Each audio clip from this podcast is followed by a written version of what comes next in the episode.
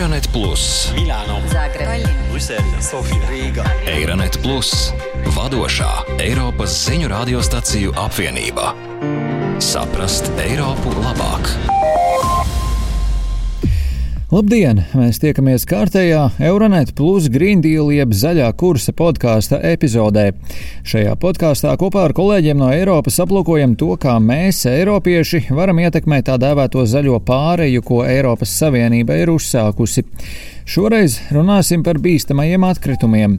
Laikmatā, kad cenšamies samazināt mūsu ietekmi uz vidi, ir svarīgi nodrošināt to, lai mūsu iegādātie produkti spētu nokalpot pilnu dzīves ciklu pirms to izmešanas. Tomēr galu galā visam ir savs derīguma termiņš, tāpēc arī laba atkritumu apsaimniekošana ir ļoti svarīga. Vēl jo būtiskāka atkritumu apsaimniekošana ir tad, ja runa ir par toksiskiem un bīstamiem atkritumiem, jo papildus tam, ka tie ir kaitīgi mūsu planētai un visiem tās iedzīvotājiem, ar tiem ir daudz sarežģītāk apieties, grūtāk šķirot, dārgāk apsaimniekot un sarežģītāk pareizi pārstrādāt vai atbrīvoties no tiem.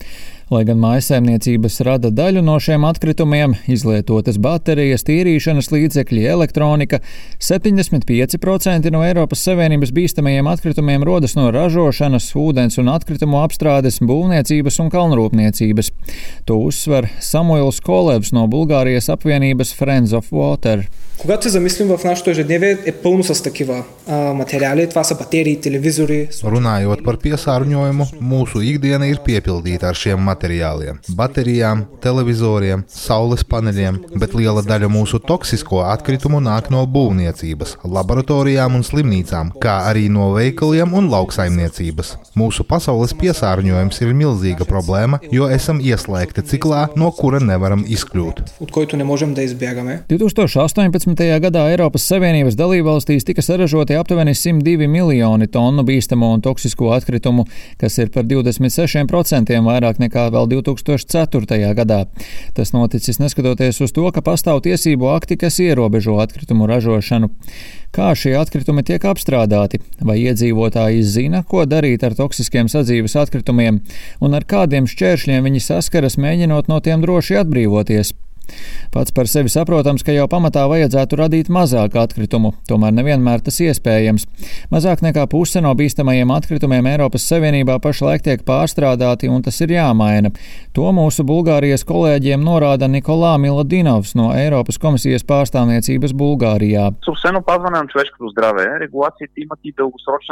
Līdztekus cilvēku veselības aizsardzībai Eiropas Savienības atkritumu regulām ir ilgtermiņa mērķis sasniegt nulles toksiku toksiskumu vidē.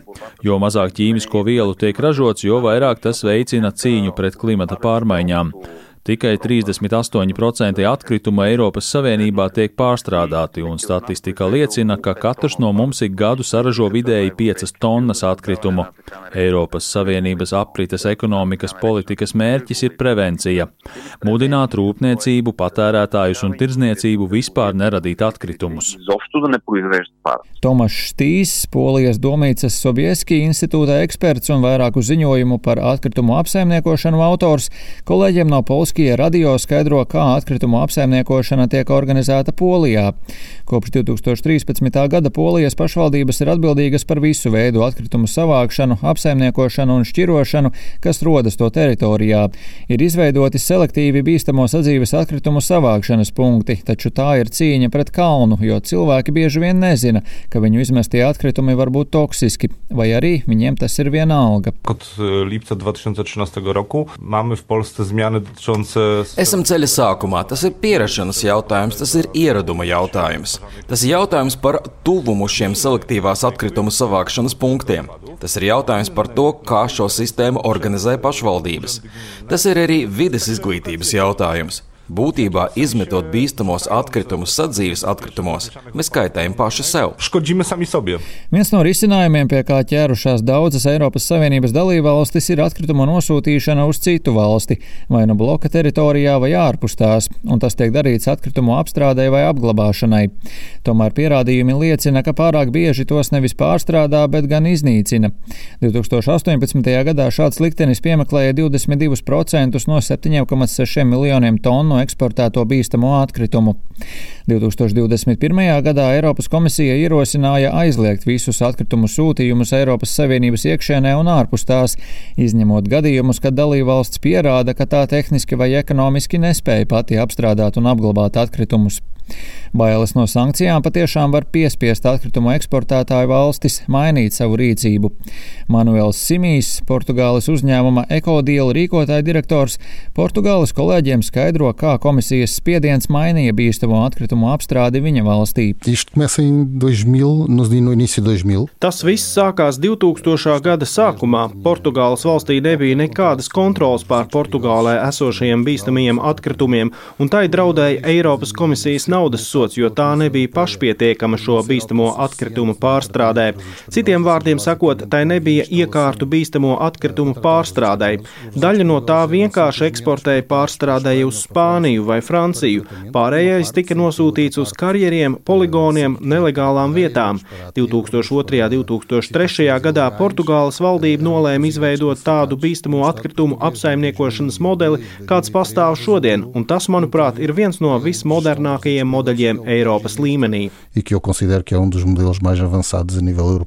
Citvietā Eiropā bīstamie atkritumi joprojām krājas un gaida, kad ar tiem tiks galā, un jo ilgāk tie krājas, jo vairāk tie piesārņo un jo dārgāka ir saku likvidēšana.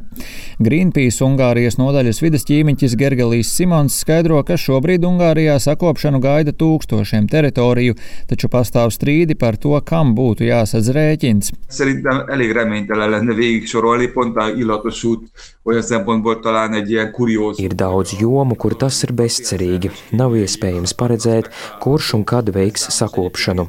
Ir uzņēmumi, kas darbojās līdz 2000. gadu sākumam un pēc tam iesniedza bankrota pieteikumu.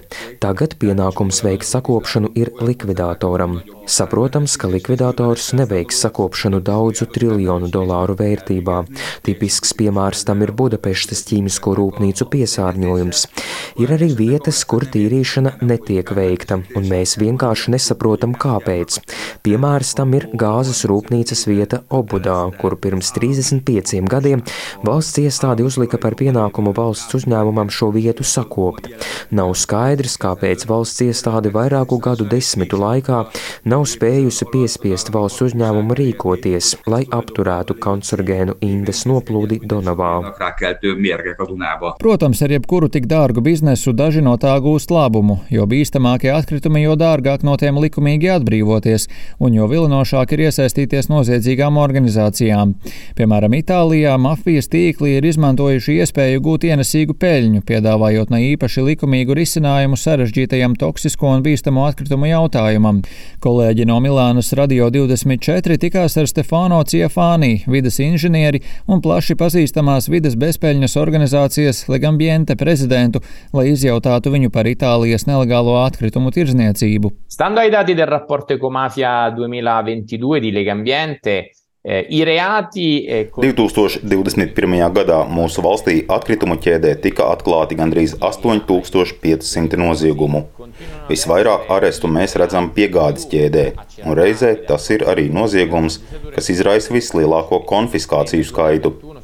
Tas apstiprina to, kas izskanēja laikā, kad darbību sāka Legambiente, proti 1994. gadā ka nelegālie atkritumi ir tas, kur noziedzīgās organizācijas ir visvairāk iesaistītas.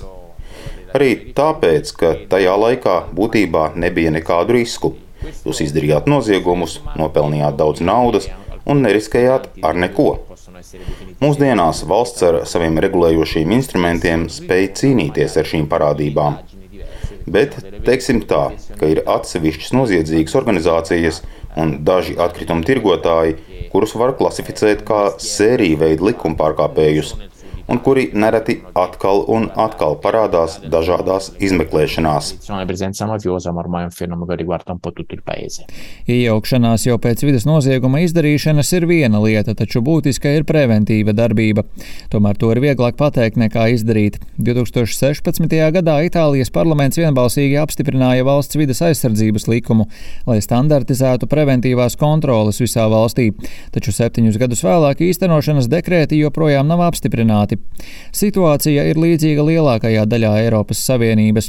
Lai gan dalībvalstis ir transponējušas jaunas un stingrākas bloka prasības nacionālajos tiesību aktos, tās bieži saskaras ar problēmām to piemērošanā, jo īpaši attiecībā uz bīstamo atkritumu izsakojamību un aizliegumu sajaukt dažādu veidu atkritumus.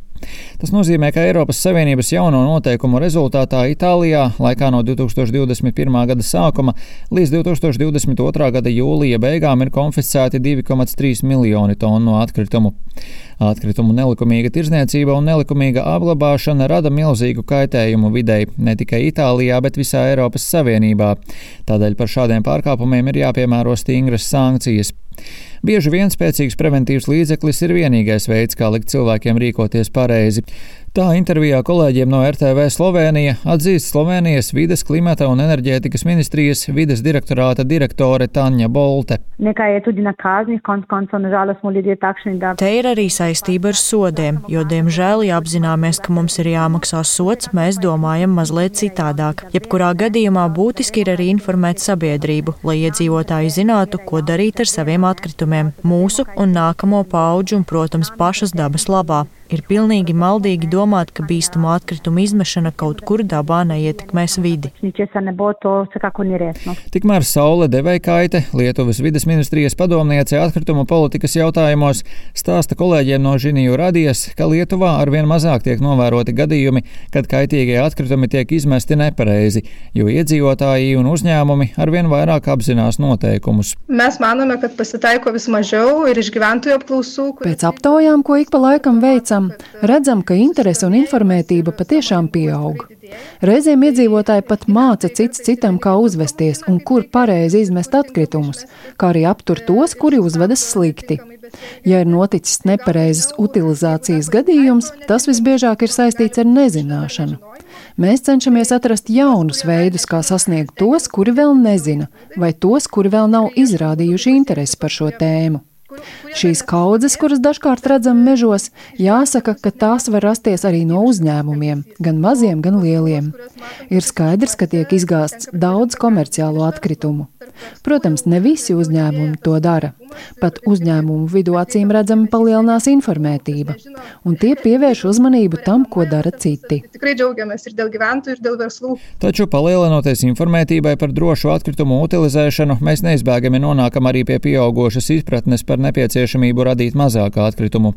To Laima Kubliņa no Zaļās jostas, Latvijas uzņēmuma, kas nodrošina atbildīgus atkritumu apsaimniekošanas risinājumus, stāsta intervijā Latvijas radio. Tiešām jāapzinās, ka nevis kādam citam ir pienākums mūsu vietā viņus vākt un tīrīt pēc mums, bet ja reiz mēs esam radījuši, tad mūsu pienākums arī tos utilizēt. Un te jau saknē mēs jau varam mainīt savu rīcību un ietekmēt, cik daudz mēs šos atkritumus radām.